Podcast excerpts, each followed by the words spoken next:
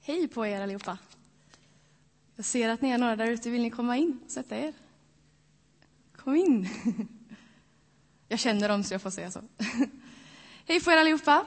Johanna Buller heter jag. Det är jätteroligt eh, att få vara här och predika idag. Jag vill börja min predikan med att läsa från Matteus evangeliets 16 kapitel. Hör ni mig bra?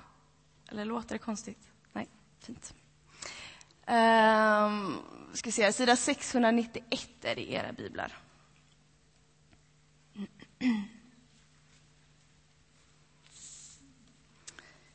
Och jag läser från vers 13 fram till vers 19. När Jesus kom till området kring Caesarea Filippi frågade han sina lärjungar. Vem säger människorna att Människosonen är? De svarade, somliga säger Johannes döparen, men andra säger Elia, andra Jeremia eller någon profet. Och ni, frågade han, vem säger ni att jag är? Simon Petrus svarade, du är Messias, den levande Gudens son.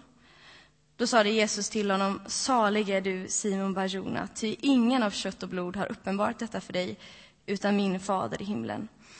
Och jag säger dig att du är Petrus, klippan, och på den klippan ska jag bygga min kyrka, och dödsrikets portar ska aldrig få makt över den. Jag ska ge dig nycklarna till himmelriket, och allt du binder på jorden ska vara bundet i himlen, och allt du löser på jorden ska vara löst i himlen. Det här är en bibeltext där eh, Jesus berättar för Petrus vad han vill använda honom till och vad han kallar honom till. Hans kallelse att bygga sin kyrka på honom. Och Det här är vad vi ska prata om idag. Vad vi är kallade till. Eh, vad Jesus säger till oss att det här vill jag använda dig till. Men innan vi gör det så vill jag bara be en bön tillsammans med er. Och det är jättebra om ni vill vara med mig i det. Heligande, nu ber jag att du ska komma, Herre. Kom med din heligande och fyll upp hela det här rummet. Var med i det som vi har planerat tillsammans, Gud. Låt ditt ord gå fram klart och tydligt, Herre. Öppna våra hjärtan för vad du vill säga idag. Amen. För ungefär två år sedan så tog jag ett beslut. Och det var väl ett, eller jag bestämde mig för någonting som hade funnits ganska länge där och jag erkände det för mig själv kan man säga. Uh, och det var att jag ville bli pastor, eller jag ville bli präst. Jag hade känt det länge och gått och bråkat med mig själv och Gud om det där. Uh, men så till slut så erkände jag för mig själv att det är det här jag vill göra. Och för snart exakt ett år sedan så började jag min utbildning till präst i Uppsala. Men genom åren så har jag haft lite olika sådana grejer som man har velat bli och, och vara. Som barn så ville man ju kanske bli brandman eller bagare, stå och baka bröd hela dagen. Det verkade väldigt kul. Eller sekreterare var väldigt spännande. Få slå på eh, såna här häftiga, vad heter det, skrivmaskiner och plocka med papper hela dagarna. Fy vad kul. Det tyckte jag var, verkade väldigt spännande. Och popstjärna kanske, eller något sånt där. Så blir man lite äldre och börjar tänka om en psykolog verkar spännande. Eller socionom, kanske lärare vore kul. Lära folk saker. Och så präst givetvis funderar jag också på. Och sen finns det ett yrke som har fascinerat mig väldigt mycket. Är det väldigt mycket s när jag pratar? Är det bara jag som hör det? Okej, okay, då ska jag då tänka på det. Jo, det finns ett yrke till som jag har fascinerats mycket över och som eh, ja, men känns som ett riktigt sådär spännande yrke. Och det är jobbet som diplomat eller ambassadör. Det tycker jag verkar väldigt spännande. Därför att då får man ja, åka ut runt över världen, jobba i ett främmande land och träffa massa spännande, häftiga människor som tar stora beslut och man får vara med i stora processer där man jobbar med fred och sådana här lösningar. Eh, och man får liksom gå i ja, den statschef som man har blivit utsänd av den president eller kung eller vem det nu är som har skickat iväg en. Och så får man gå och föra den personens talan. Eh, och man har politiskt immun och liksom står inte under deras lagar. Och, Man är liksom så lite James Bond. så. Eh, och sen dessutom så har jag hört att man får parkera bilen där man vill. Det tycker jag verkar väldigt praktiskt. Man behöver inte leta parkeringsplats eller så, utan det är bara här ska jag stå, och så står man där. Så jag vet inte, om det inte funkar med det här med präst så kanske jag blir eh, diplomat eller ambassadör. Idag är det apostladagen enligt kyrkoåret. Och det första jag tänker på när jag tänker på apostlar, det är ju de här Petrus och Paulus, de här stora gubbarna som har eh, legat till grund för den kyrkan som vi ser idag, som vi har runt om i världen. Och så funderar jag på det här med apostel. Vad är det egentligen? Jo, men det är ju faktiskt väldigt mycket som en ambassadör eller som en diplomat. Därför att en ambassadör måste ju komma från ett land. Va? Och de här apostlarna, de första apostlarna, de fick ju tillträde till någonting helt nytt när de lärde känna Jesus och fick ta del av Jesus. Då står det att de fick del och bli medborgare i Guds rike. Eh, och Att vara en apostel är ju egentligen att vara en ambassadör för Guds rike. Alltså att gå in som representant för det riket och för vad det står för och för behärskaren härskaren i det riket, alltså Jesus, vill och vill förmedla och vill säga till de andra rikena, vilket är vår jord och den plats där vi lever. Och på ett sätt så är man ju, de här apostlarna också politiskt immuna som vi läste i det här bibelstället som vi läste från Matteus. Det står att dödens portar ska ni aldrig få någon makt över församlingen. För vi blir ju någon sorts gudsrike fast i miniatyr i våra församlingar mitt i den här världen här så får vi gå runt och vara liksom någon sorts motpol och stå som representanter för det som ska komma sen som vi alla väntar och längtar efter. Eh, och här så vi, har vi ett politiskt immun. Vi går liksom med Jesus med oss och det ger oss en otroligt auktoritet, större än vad vi kanske ibland förstår. Det står att det som vi har bundit på jorden, det ska vara bundet i himlen och det vi, bind, och det vi löser på jorden ska vara löst i himlen. Det är ganska mäktiga redskap som Jesus lägger i våra händer. Och de här första apostlarna, de levde ju verkligen ut det här de tog ju verkligen fasta på det här att vara representanter för Guds rike. Jag menar, de, de berättade kors och tvärs om Jesus och vad det innebar och detta riket som han hade kommit med. Och de bad för sjuka och de blev friska. Och de eh, ja, men gjorde massa häftiga saker, reste över jorden hit och dit.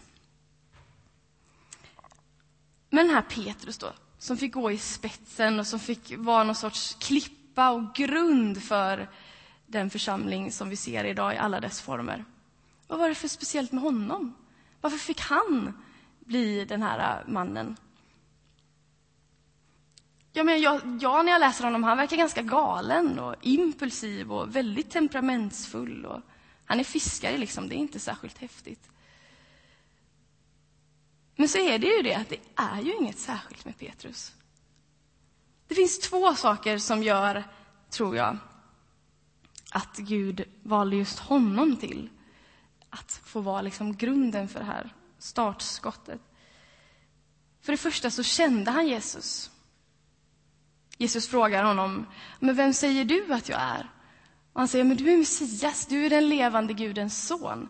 Och i det när han säger det så förklarar han någonting. Han har liksom förstått vem denna killen är som han har gått runt med nu i flera år. Det här är Gud, jag går runt med Gud. Så han kände Jesus och på grund av detta så kan Jesus sända vidare honom. Men berätta då. Vi ska bygga en församling och vi ska berätta för människorna vem jag är och bygga Guds rike här på jorden.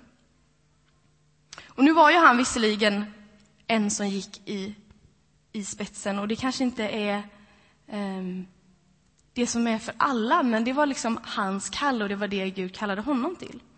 Det andra som han var, eller som han hade, som jag tror gjorde att Gud valde det här för honom, det var att han var människa. Och det är precis av den anledningen som han kallar alla oss. Lena sa det innan i inledningen här, att, att det här gäller ju för alla, det gäller inte bara för predikanter eller präster eller pastorer, utan det här gäller ju för var och en av oss som har lärt känna Jesus och som har tagit del av Guds rike och allt det han står för till alla dem så säger han, om känner du mig, berätta då om mig. Gå vidare och säg till alla vem jag är och vad jag har gjort för dig. Berätta, förklara för folk vad den här Bibeln står för.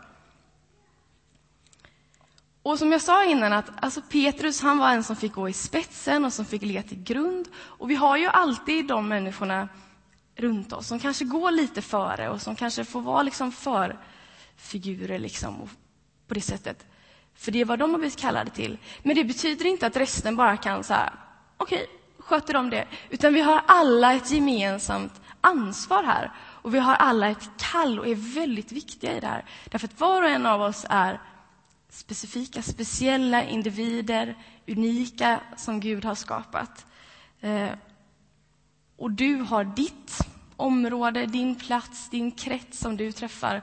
Och där är du jätteviktig i att sprida och berätta om Jesus. Och Det är detta som är så vackert, tycker jag. Att Gud vill använda människor för att nå människor.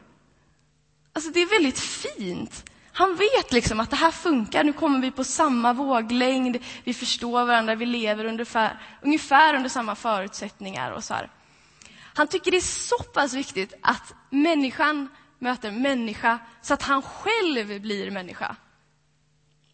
Han bara, det här är sättet att nå människorna. Jag, jag får också bli människa. Och så får jag gå ner och så får jag berätta, det här är vad jag är, det här är vad jag står för, det här är mitt rike. Se vad ni kan göra här på jorden. Och det här ger jag till er. Gå nu och gör precis samma sak som jag har gjort. Så är det så att du är människa och du har lärt känna Jesus, så har du precis som Petrus den här kallelsen att vara med och bygga församlingen, bygga Guds rike här mitt ibland oss. Du är kallad till att vara ambassadör, representant för det här riket och representant för Jesus. Och Det finns två viktiga punkter som jag vill ta upp. För det första, en ambassadör är ju alltid en ambassadör i ett annat land. Det blir ju lite överflödigt att vara i sitt eget land och vara ambassadör för sitt land. Visst kan man åka och vara på hemmaplan och man får instruktioner, man får vila, liksom, man får vara hemma ett tag och det är viktigt. Men sen så åker man ut och så jobbar man. Och på samma sätt tror jag det är som ambassadör i Guds rike. Om vi säger att hemmaplanen, vårt hemland, det kan vara liksom församlingen här, Saronkyrkan till exempel. Det är jätteviktigt att komma hit och få fyllas på, få instruktioner, få kraft och vila och vårda oss själva och lära oss mer och, och ha gemenskap med varandra. Men sen är det viktigt att vi har den andra biten också, att vi faktiskt går ut och gör vårt uppdrag. Därför att behovet av Kristus, givetvis finns det ju bland oss, men vi har ju lärt känna honom. Behovet är ju som störst där ute, bland människorna, på arbetsplatserna, i skolan, på stan, kaféet, var man nu hänger någonstans. Gå och representera Jesus där Jesus behövs. Eller där han inte finns, när människor inte har hört talas om honom. Och det är väldigt få som har hört talas om honom alltså färre tror jag än vad vi tror. Alltså få möta människor som verkligen tror på det här, älskar det här och få se liksom det som en verklighet i deras liv och få beröras av det. Det gör otrolig skillnad. Alltså. Jag läser på universitetet, eller jag har läst på universitetet den här terminen i Uppsala. Och då läste vi missionshistoria i en av kurserna. Och då så pratade vår lärare om hur missionärer sänds ut över världen och hur eh, mycket de offrade och, och, de har gjort genom tiderna och de berättar om Jesus och allt det här. Och så är det en kille som räcker upp handen och säger han, men är det inte väldigt, när killen hade nej, ingen tro så, han bara, men är det inte väldigt konstigt att vi skickar ut missionärer eh, till de där länderna? Jag menar, det finns ju ingen i det här landet som tror på Gud.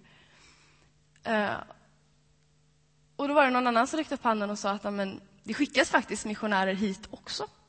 Och då sa han, det har jag aldrig märkt. Jag har aldrig träffat någon. Och det blev så sorgligt för mig. Och det säger jag inte för liksom att knäppa på näsan eller något sånt där, utan det är bara det är en uppmuntran. Det finns människor som, som aldrig får höra talas om det här eller får se det. Och då menar jag verkligen inte framför allt att vi behöver först och främst använda ord, även om det är viktigt och vi behöver Eh, träna på det och våga göra det också, och berätta våra berättelser. Men att i våra handlingar, i vårt sätt att vara mot människor, att bjuda in folk, älska människor, hjälpa till, vara hjälpsamma, sätta andra före oss själva eh, och prata på ett, på ett kärleksfullt sätt. Så att det ska inte behöva finnas någon som sitter på ett universitet och säger det finns ingen som pratar om Jesus i det här landet.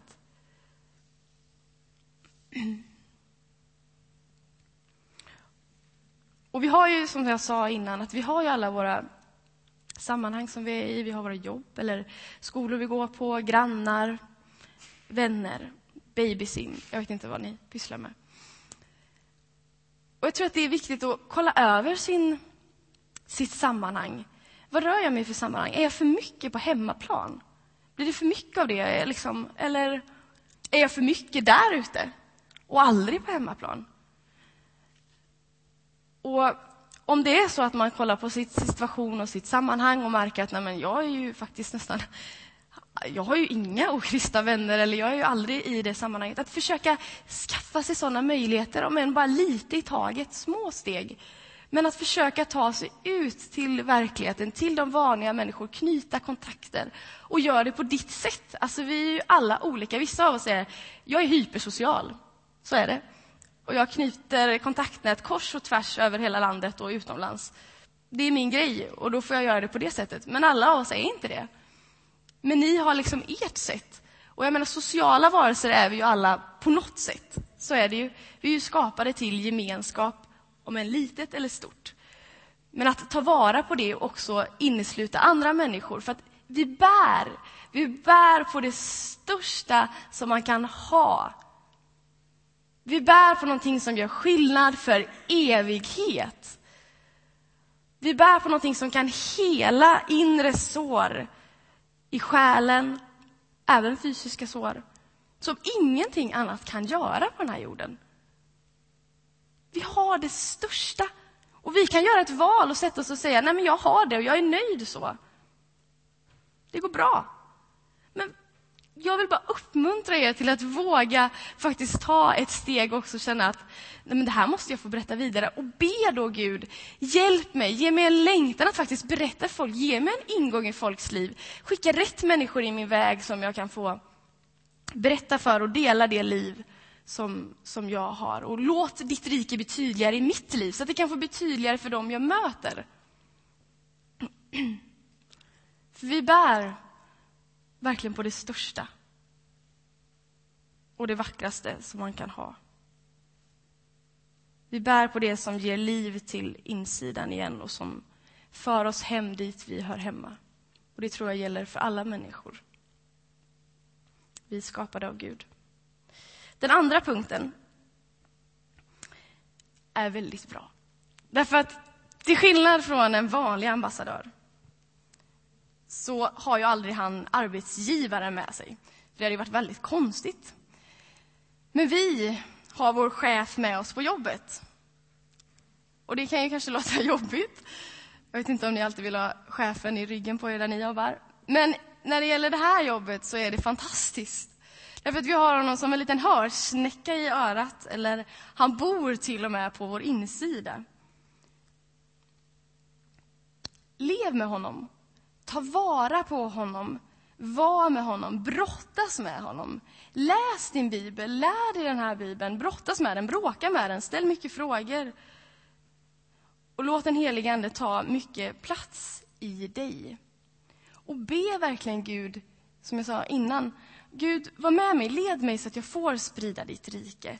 Led mig så att jag får komma till de här människorna som behöver just mig och som jag kan nå in till. När Jesus sände ut sina lärjungar så var det inte bara så här, okej, okay, iväg med er nu och så bara gör ni det här. Ni har fått lära det en gång och ni kommer aldrig mer få höra det, utan nu kör ni bara. Utan han går med dem och dessutom så samlar han alla lärjungarna och de står så här i en klump kanske. Och så andas han på dem. Sin heliga ande. Och det tycker jag är väldigt fint. Han tar liksom sin heliga ande och så bara blåser han på dem liv. För det är det den heliga ande gör. Han sätter liv i vårt inre. strömmar liksom, det blir verkligt helt plötsligt. Detta som vi kan höra om i teorin och vi kan förstå och sådär. Men när den heliga ande blåser på oss, då blir det verkligt. Då blir det liv. Och precis som han blåste på lärjungarna då, för 2000 år sedan, så vill han blåsa på oss. För vi är ju lika mycket hans lärjungar som de tolv förr. Vi är fortfarande jätte, jätteviktiga.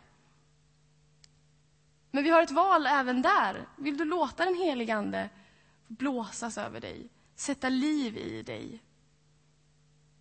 Om du vill det så vill han jättegärna blåsa på dig och ge dig liv. Dag Hammarskjöld är en sån där bra förebild. Han har jobbat mycket med såna här fredsfrågor och såna grejer. Och det finns en sak som han sa som finns ingraverat i Uppsala domkyrka där jag nästan bor, som jag brukar gå och titta på ibland. Han sa så här. Icke jag, utan Gud i mig. Icke jag, utan Gud i mig. Och det är precis vad det här handlar om. Det har ingenting med oss att göra egentligen. Mer än att vi är människor och vi har de personligheter och Eh, sammanhang som vi har.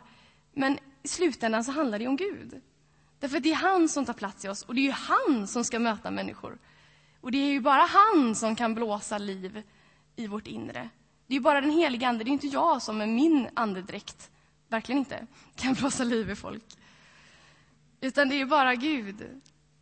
Så det handlar inte om mig, utan det är bara Gud. Att få ha det fokuset är jätte, jätteviktigt. Att ta med sig Gud ut, inte bara okej, okay, jag skulle gå ut och berätta om Gud och så bara går man, utan stanna upp och bara Gud, var med nu, led mig, fyll mig med helig ande, låt det få vara liv i mig, låt det få vara verkligt, för annars blir det bara sand i vår egen mun och till folk så blir det som hör det blir det bara så här, va?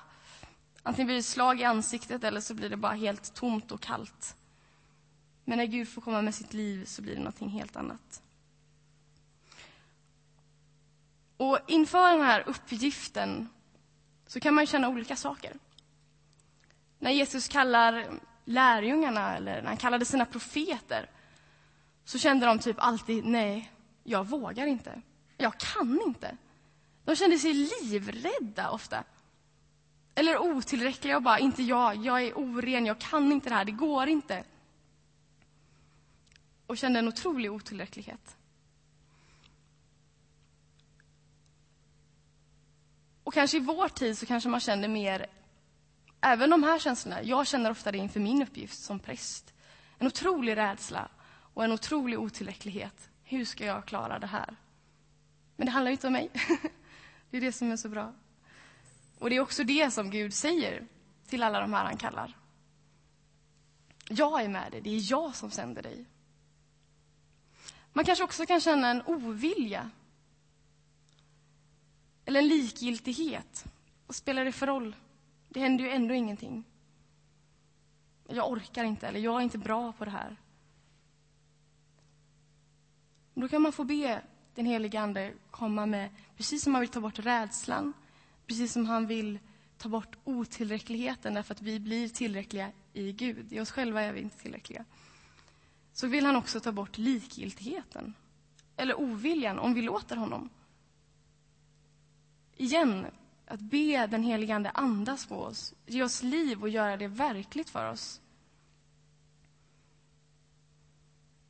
Jag vill läsa de här orden från Jeremia som Lena läste så fint här i början.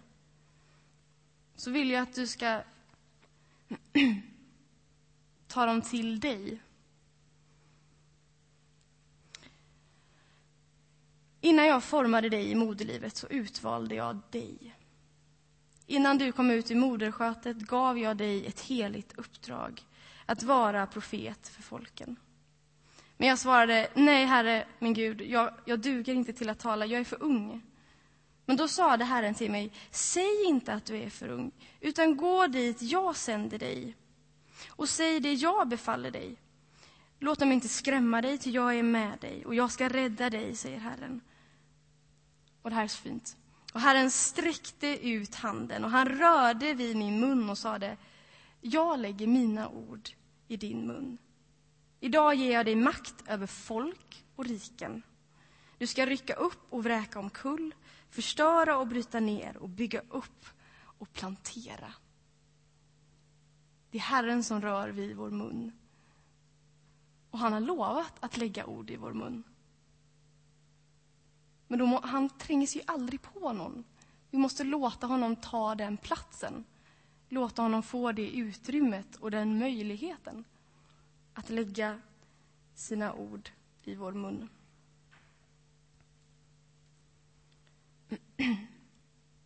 Så ha den helige Ande och Gud som det dyrbaraste och våga gå ut utanför din hemmaplan. Och är du alldeles för mycket där ute, så våga komma hem också ibland.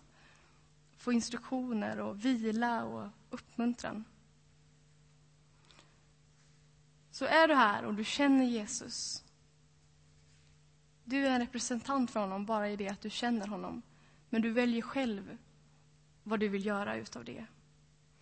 Detta är vad han kallar dig till. Frågan är bara vad ditt svar blir.